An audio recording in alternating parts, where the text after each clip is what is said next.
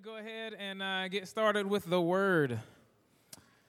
Father, I ask, God, that you would help me communicate your heart. Lord, help me to effectively communicate, God, accurately, God, with great authority, your word. Lord, let me decrease and you increase, Father. Holy Spirit, have your way. Amen. Amen. Well, y'all, I did my best to try to have some slides this morning. It just didn't quite work out. So one day when I preach, I'm gonna have some slides. Y'all are gonna be very surprised, by the way, and they are gonna be awesome. So no slides today, so you're gonna have to be able to uh, pay attention to my voice. Can y'all do that? Pay attention to my voice. Hang in here with me for a little bit. What time we got? All right, 11:22. Amen. Well, I'll go ahead and get started. A couple weeks ago, Paul Kidd preached a sermon about the things that motivate us Christians to preach the gospel. He talked about what motivates us to do the work of an evangelist and spread the good news of Jesus Christ, like the scripture says in 2 Timothy 4 and verse 5. The first point of motivation he highlighted was the reality of hell. Hell. It's a topic that is rarely mentioned from pulpits today. Unfortunately, in today's society, many preachers and pastors would rather preach sermons that tickle the ears of those that are in their congregation and line their own pockets rather than to preach sermons that are designed to save souls. Paul went on to remind us of the scripture, Matthew 24 and 12, where Jesus said, Because of the increase of wickedness, the love of many will grow cold. Some versions of the Bible say the love of most will grow cold. In his sermon, Paul challenged us to ask ourselves the question Where has my love grown cold? Can we say that loud? Where has my love grown cold? You know, that's a question that we not only need to ask ourselves, but we need to ask the Holy Spirit. And after we ask the Holy Spirit, we need to be ready to receive whatever He says. And then as we receive whatever He says, we need to be willing to repent for whatever He tells us we need to repent from. And then we need to be willing to ask for His help and receive His help to change. So that was two weeks ago. And then last week, David Hay preached a sermon about the great need for our, our life to dispense the fragrance of Christ everywhere we go. Oh, that was so beautiful. He talked about the love of the Lord and he reminded us of the great compassion that Jesus had for people during his earthly ministry.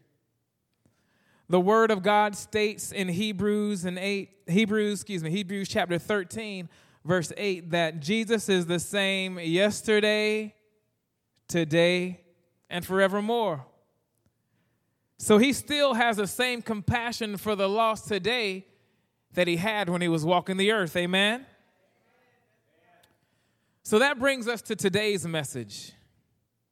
I want to talk to you today about the reality of hell and the compassion of Christ. Now, I know that seems like that should be two separate topics the reality of hell over here, and the compassion of Christ way over here. It doesn't seem like they should mix. But the matter of the fact is that these two topics are deeply intertwined because it is the, rev- it is the revelation of hell that should activate the compassion of Jesus in our lives and motivate us to spread the gospel of Jesus Christ. I'm going to say that again. It is the revelation of hell that should activate the compassion of Jesus in our lives and motivate us to spread the gospel of Jesus. Can you go ahead and bring up that clip. Uh, don't don't play it yet, but go ahead and get it teed up if you don't mind. There was a gentleman named, I might mess his name up, Nabeel Asif Quresh. He was an Islamic apologist, meaning he was well studied in the Islamic religion, and he used his understanding of Islam to argue with Christians. His goal was to dismantle Christianity and promote Islam. Now, something funny happened during his quest to dismantle and discredit Jesus. He miraculously met the Lord and he gave his life to God. After he repented, he did a complete 180. He went to school and earned multiple theology degrees, and he became an unrelenting Christian apologist with the goal of directing people to Christ. Now, Nabeel has since uh, gone on to be with the Lord and is with him in glory, but I want to play a quick 20 second clip from his, uh, his testimony. Can you go ahead and play that, please?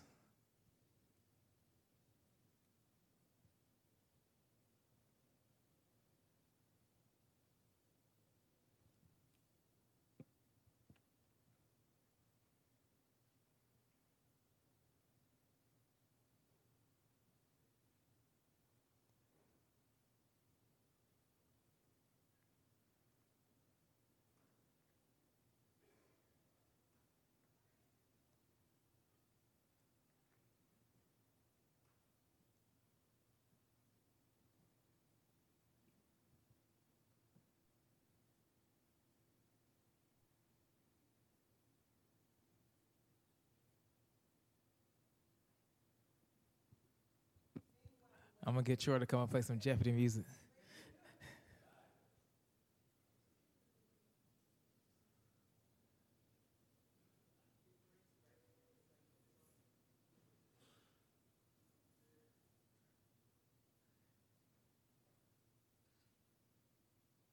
Well, that's all right. If we can't get it to work, all, all is well. So I'll go ahead and um,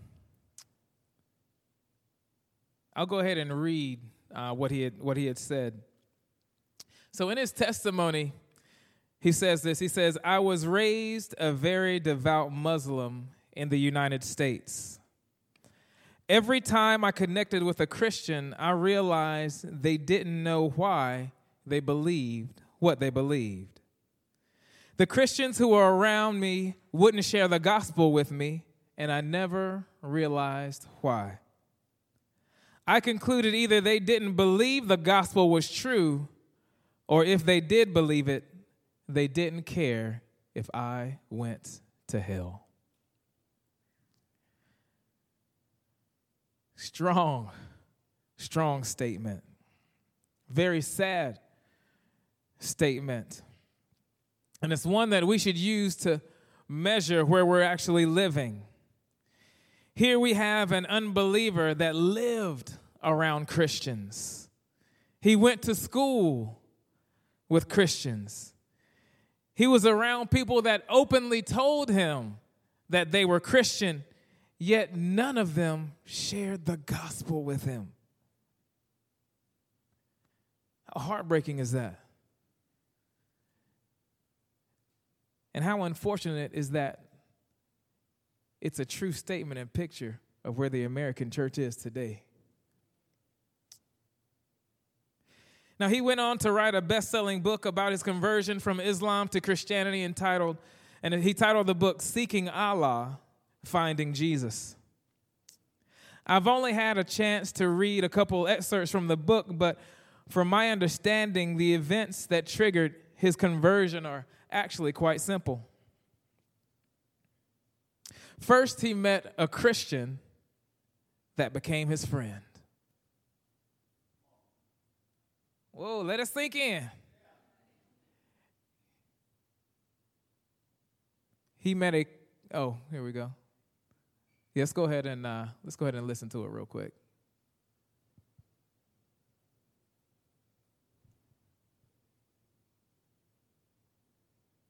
Muslim in the United States. And the fact of the matter was, every time I connected with the Christian, I realized that they didn't know why they believed what they believed. The Christians who were around me wouldn't share the gospel with me, and I never realized why. I concluded either they didn't believe the gospel was true, or if they did believe it, they didn't care if I went to hell.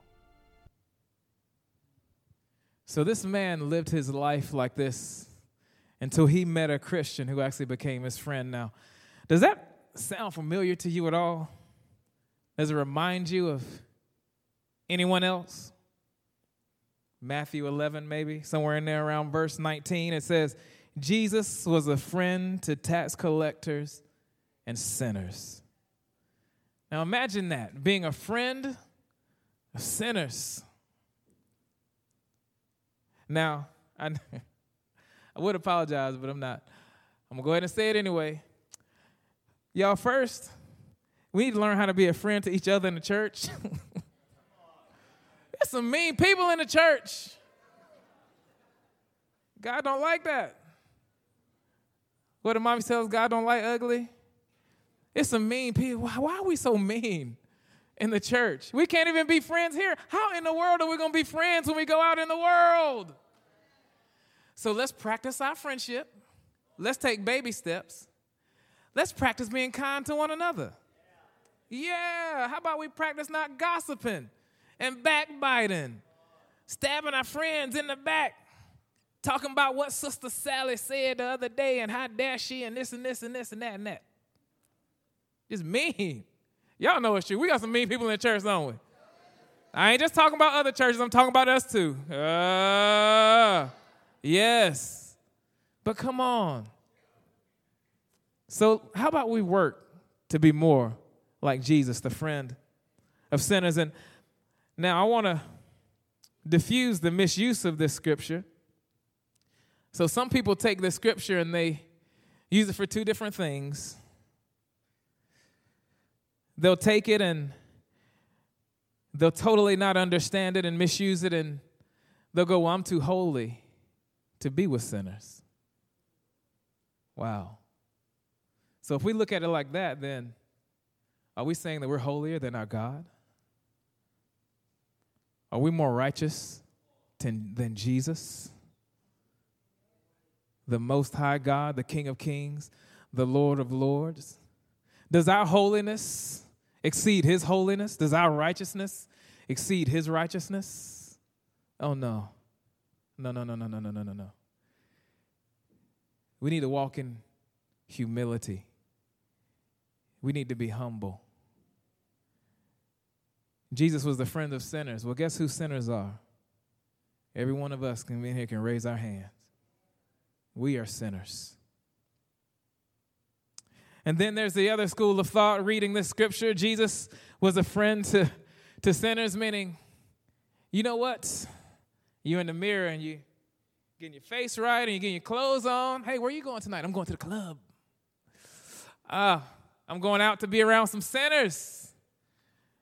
I got to go and be around them because the word said Jesus was their friend, so I can too.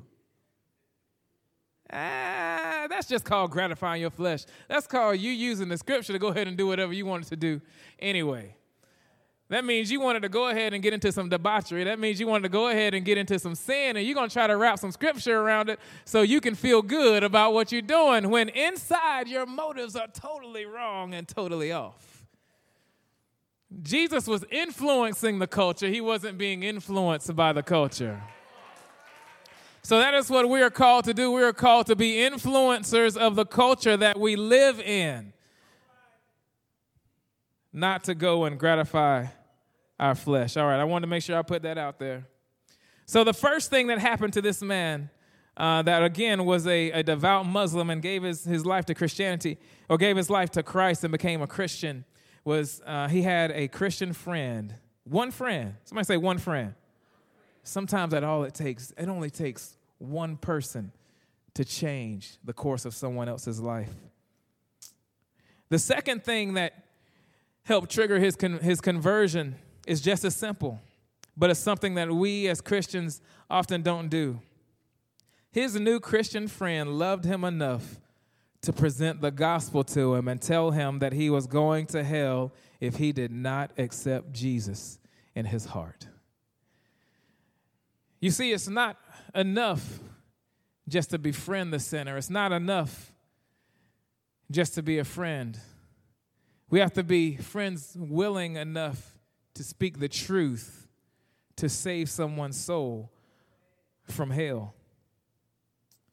David Hay mentioned it in the scripture, John 1 and 14, last week. Jesus is full. Somebody say full. Full. Come on, say it again. Full of grace and truth. Jesus isn't just grace, He's not just truth. The word doesn't say He's a little bit of grace and some truth. But Jesus is full of both grace and truth. You cannot have one without the other. If you have one without the other, you don't have a complete picture of who Jesus is. He is fullness of the Father. Grace, the heart and compassion of the Heavenly Father.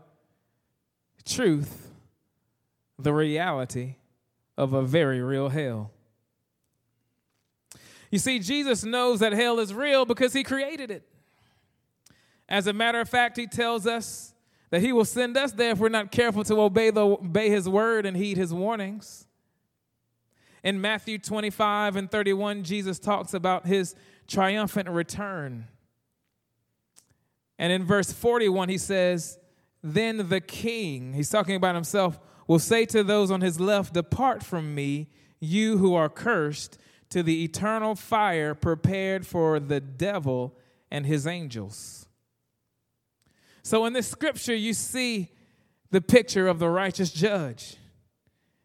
Yet at the same time, you see Jesus' heart and his compassion in 2 Peter 3 and 9, where it states, The Lord is patient with us. Who is thankful for God's patience? Thank you, God. Can we just stop right here and just say, God, thank you for your patience? Thank you, Jesus. Thank you, God for your patience. Thank you that you're long suffering with us. Thank you, God, for the gift of repentance. Thank you, Father. So you see, he is patient with us in 2 Peter 3 and 9, where it says, It's because he doesn't want anyone to perish, and he wants everyone. Somebody say, Everyone. He wants everyone to come to repentance. My question to us today is do we really believe the scripture? If so, why is it that we don't share the gospel? Has our love grown so cold that we don't care? Do we fear man who can only kill the body, or do we fear the one that can destroy both body and soul in hell? Or maybe we think we already have our ticket to heaven punch, so we believe that we can escape his judgment. Well, that's selfishness. That's the complete opposite of the gospel. We're all, most of us are familiar with the scripture in Matthew 25 and 19. This is 25, 19 through 30. I won't read all of it, but it's about the parable of the talents. You know, he gave 10 to one, five to another, one to another. I believe I got my numbers right. And he came back and he was looking for increase. And two of his servants had increased and one didn't. And we usually stop right there. I believe that's at the end of verse uh, 29. We usually stop it right there. And we go, well, you know what? This is just about being good stewards of our finances. Well, it's much more than that. If you read fully through it, it says, Take the bag of gold from him and give it to the one who has 10 bags, for whoever has will be given more, and they will have an abundance. Whoever does not have, even what they have will be taken from them. That's the point we usually stop. We usually don't keep reading, but if you keep reading, you'll see that very next verse says, And throw that worthless servant outside into darkness where there will be weeping and gnashing of teeth. Weeping and gnashing of teeth. So you see God's judgment here.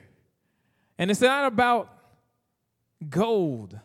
What about the gifts, other gifts that God gives us? What about the gift of the gospel of Jesus Christ? Is that a gift that God gives us that we can share with others? Well, guess what? God is expecting to have a return when He comes back. He is expecting us not to sit on the gift that He has given us. He is expecting us to go out and spread the good news. He is expecting us to love our brothers and sisters, love our neighbors as ourselves, and be willing to tell them the truth. Be willing to tell them of their folly. Be willing to tell them that they will go to hell if they do not turn from their wicked ways and give their life to Christ. When's the last time you told somebody your testimony? When's the last time you told somebody, I was way messed up? If you are in here, guess what? You were way messed up. Because guess what? We all fall far from the glory and righteousness of Jesus Christ. We need to tell our testimonies and believe God for fruit that people will give their lives to the Lord and there will be increase in the kingdom. Remember the word of God. It is Jesus' heart and his desire that none would perish and that all would come to repentance.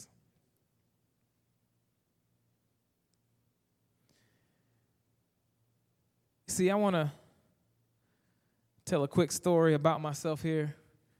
And usually, when you hear stories coming from the pulpit, it's one that makes the pastor sound pretty good, but this one does not. I'm gonna go ahead and tell. I'm gonna go ahead and tell you. I'm gonna talk about myself here real quick. So uh, there is a young lady that I work with, and I love her deeply. I love her. You know how God can, God just takes, you meet people and God just takes your heart and He just meshes it with people, and you just can't do anything about it. Well, that's me and this young lady. She's met my wife and she's met my children, and they love her too. And I call her little sister. She calls me big brother, and she is unsaved, as unsaved as unsaved can be. She's sweet. She's sweet now, real sweet. Nicer than most people that come to church every Sunday. Yet she's an unbeliever. And so for months. Oh man, I don't know, probably close to a year. Uh, we have been in this debate about Jesus Christ being the only way to the Father. And when I say she's nice and sweet, she is, but she can dig in, and she is dug in, and we will go back and forth over the scripture and back and forth over who Christ is. And uh, so this has been going on for a while, and a little after that interchange had, had started, I went to a funeral uh, one weekend. And during that funeral, the reality of eternity and the reality of heaven and hell hit me. Hit me right between the eyes. And I started thinking about those that I'm around every day that don't know Jesus, and she came to the forefront of my mind. And so I thought about her and I prayed for her all weekend. And first thing Monday morning when I got to work, and when I got to get to her, I got to get to her, I got to talk to her, I got to talk to her. So I got to work on Monday and I sent her an instant message and I said, Do you have time to meet?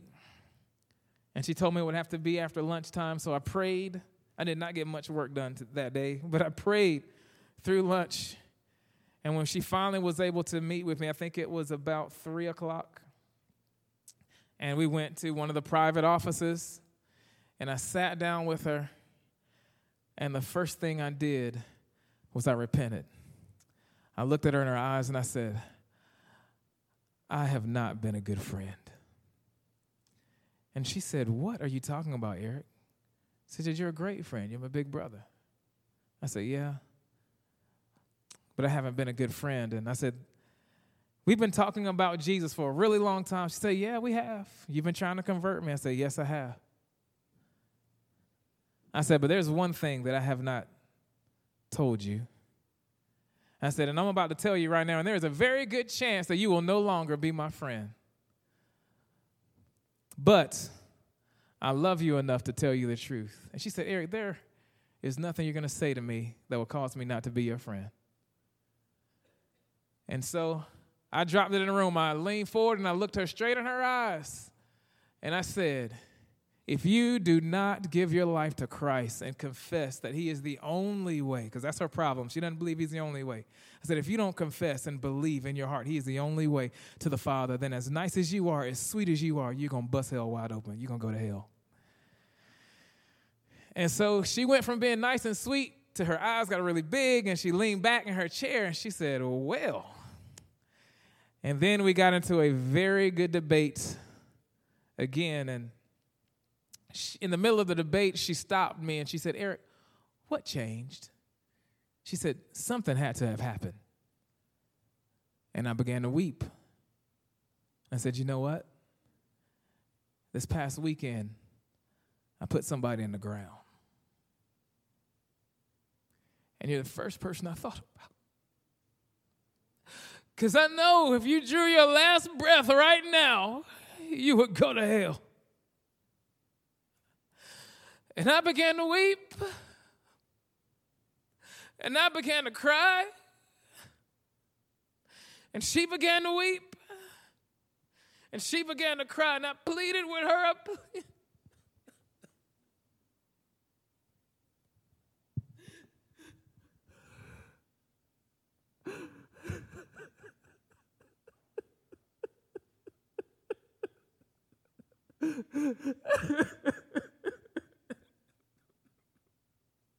I pleaded with her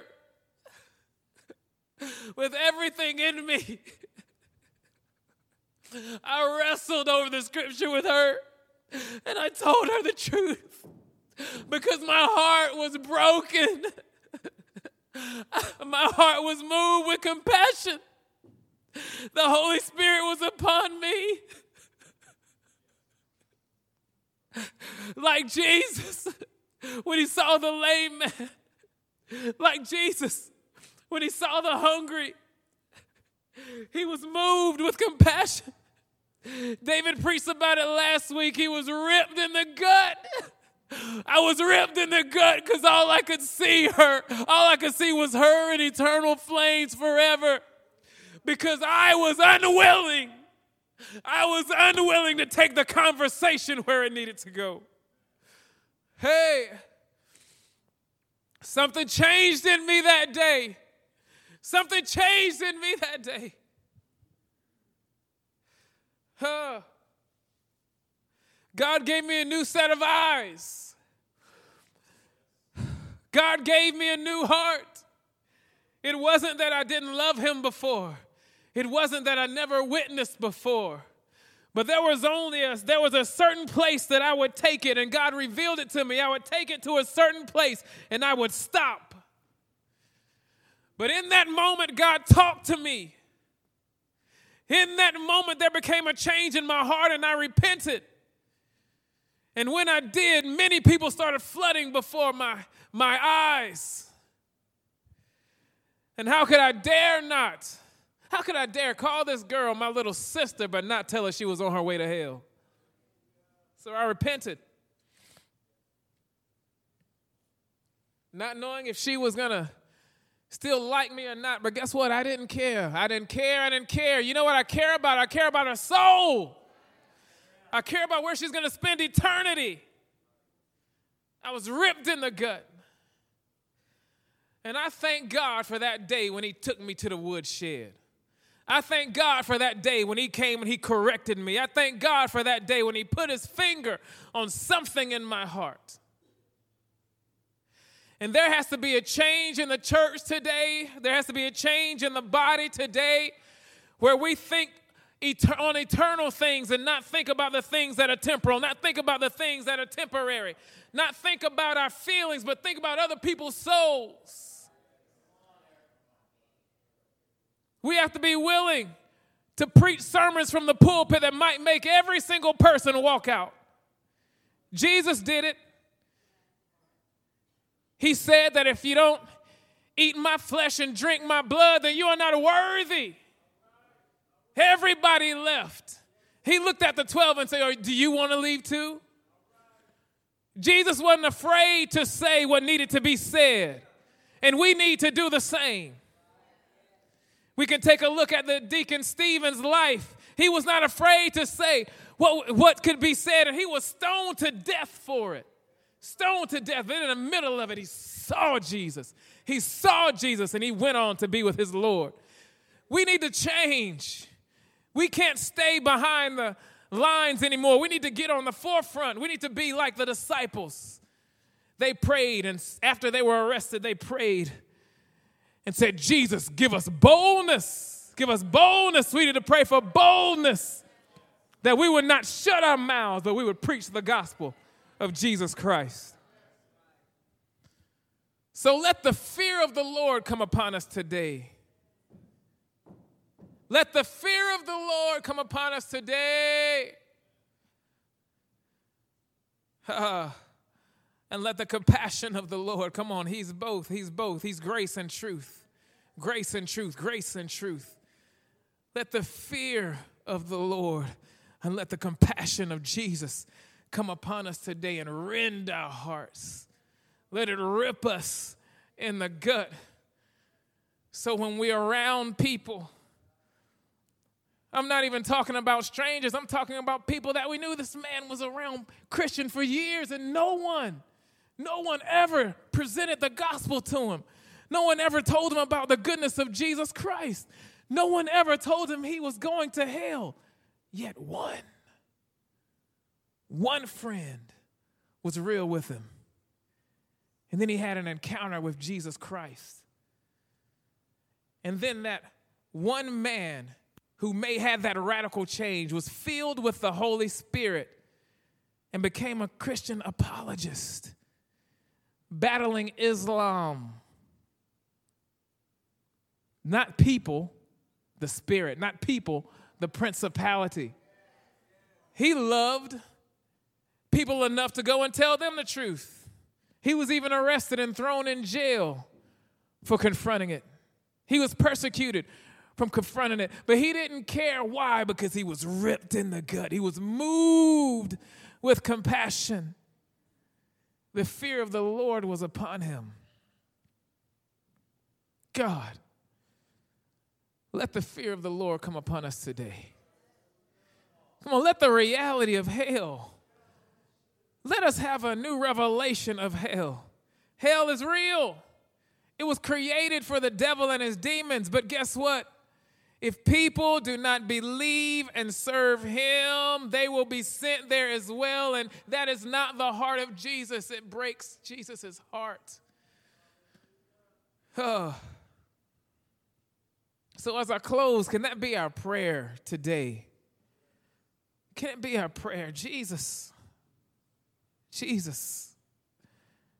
Hey, come on, can you stand to your feet? Huh.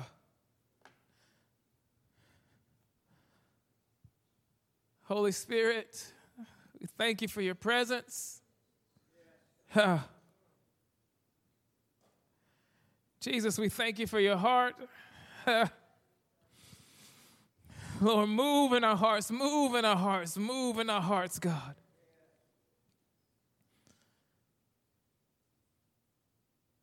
Can you raise your hands all over this place? If you're moved at all, at all, at all, not from my words, but by the Spirit of God, not from my words, not from nothing I have said, but by the Spirit of God. If you are moved at all, let us repent. God, forgive us for letting our love grow cold. Forgive us, God, for letting our love for your children and one another wax cold. Lord, we ask, hey, we ask God that you would touch our hearts.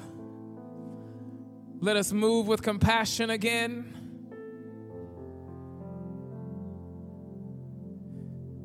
Lord, we ask that the stony hearts that we have, God, would be replaced with a heart of flesh, with the heart of the Almighty, Jesus Christ, the one who desires for none to go to hell. And Lord, let us not fear man, but let the fear of God return to your church. Let us walk in holiness and let us walk in righteousness. Let us walk in awe of who you are. And Lord, let the fear of God grip us and let the love of Jesus compel us to spread the gospel. Spread the gospel. Spread the gospel. Spread the gospel. Hey, Lord, help me do the work of an evangelist. Come on, if you want that, shout it out. God, help me do the work of an evangelist. Help me do the work of an evangelist. Come on, shout it out. Help me do the work of an evangelist at the altar of your heart. Shout it out before God. Help me, help me, help me do the work of an evangelist, God. Hey, when I'm at work, help me do the work of an evangelist. Jesus, at home, help me do the work of an evangelist. Jesus, at the grocery store, help me do the work of an evangelist. God, everywhere I go, hey, every sphere of influence and authority, God, that you have given me, God, you gave me for a purpose. Help me use it. Help me do the work of an evangelist, Jesus. Hey, Shanda Sanda. Come on, if you pray in the spirit, pray in the spirit in this place. Hey, Shanda. We can do nothing without prayer. We can do nothing without the Spirit of God.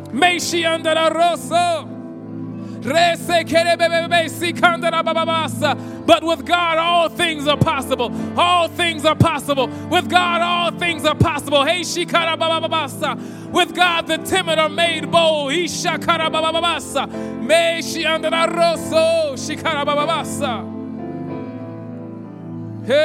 shandara rasa. God, we pray that we would have a Jeremiah, God, experience, God, that it would be like fire, fire, shut up in our bones, God, that, that your gospel would be like fire, shut up in our bones, that we would have to share, we would have to speak, we would be compelled to open our mouths, God, no matter the result, no matter the danger.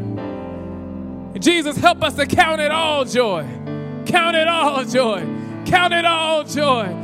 Hey, Sandra Rosondra Bobo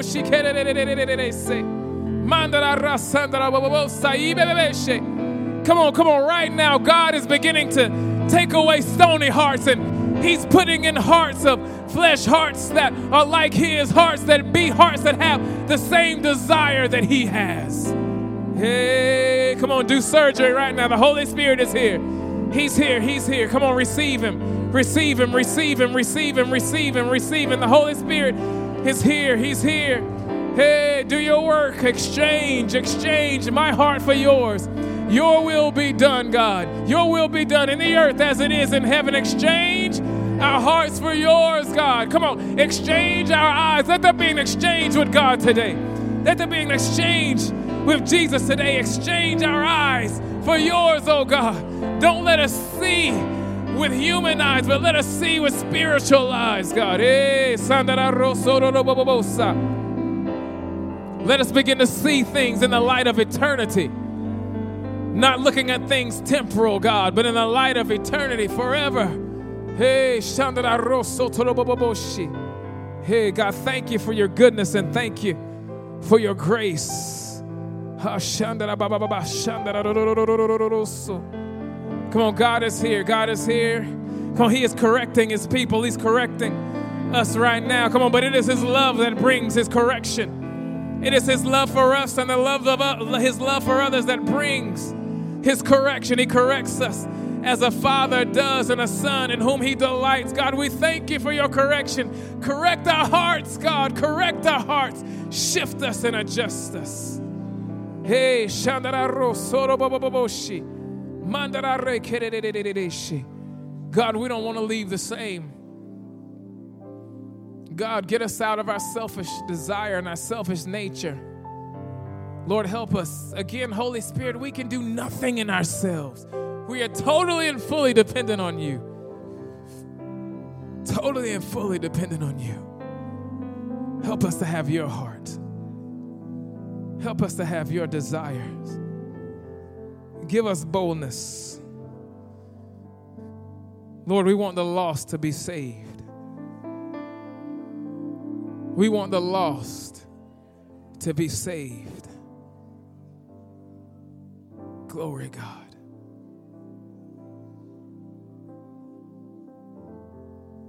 We want the lost to be saved.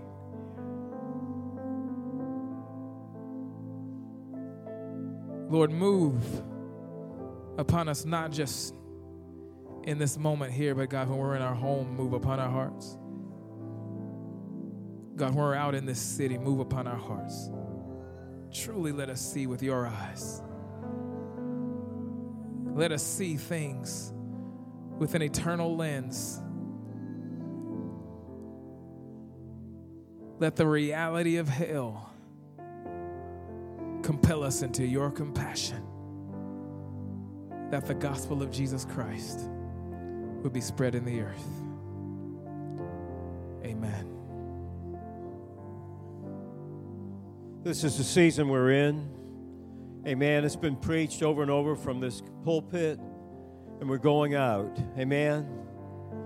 Raise your hand if you're going to go out. Raise your hand if you're going to have a sinner as a friend, maybe more.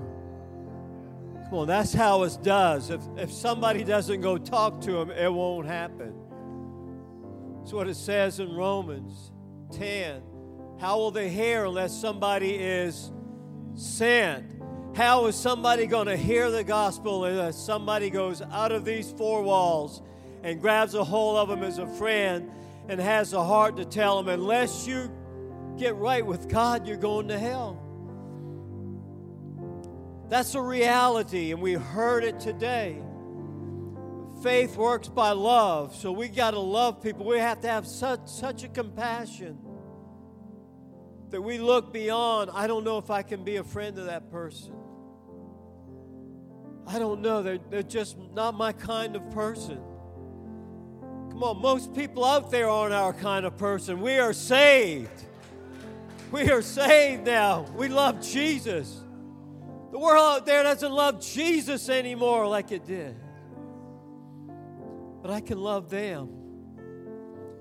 And just like when Peter and John, the, the, the man got healed at the, per, at the gate, beautiful. And then in the fourth chapter of Acts, when the authorities told them not to preach in the name of Jesus anymore, they said, We can't help. We can't help but to proclaim what we've both seen and heard and what we've seen and heard in our life in this church. We can't help but to go tell somebody about it. Amen. We can't, I can't help it. I got to do it. When that gets on us, we're going to do it. Come on, when that gets on you, you're going to do it. You can do it. And then the church came together and said, God, listen to their threats. And after they got through praying, the place was shaken. And they went out and, what does the word say? Boldly proclaimed the gospel. Come on, out of this season of prayer, you know what's going to happen? Boldness in proclaiming the gospel to people. We're going to grab a hold and love them out of hell into heaven. Amen. Hallelujah. This is a message. This was great. Eric, that's a great message. On, the, the reality of something needs to come over us that we have such a compassion for somebody that we're we can't go by. We can't let it go by without telling them about the Jesus we love. I don't waste a minute telling about my family, about my precious grandkids. Let me tell you about my grandkids. Let me tell you about my family. Let me tell you about my daughters. Let me tell you about my wife. Let me tell you about my son in laws. Let me tell you about my church family. Let me tell you about the people that, that I, I loved into the kingdom. Come on. Come on, testify.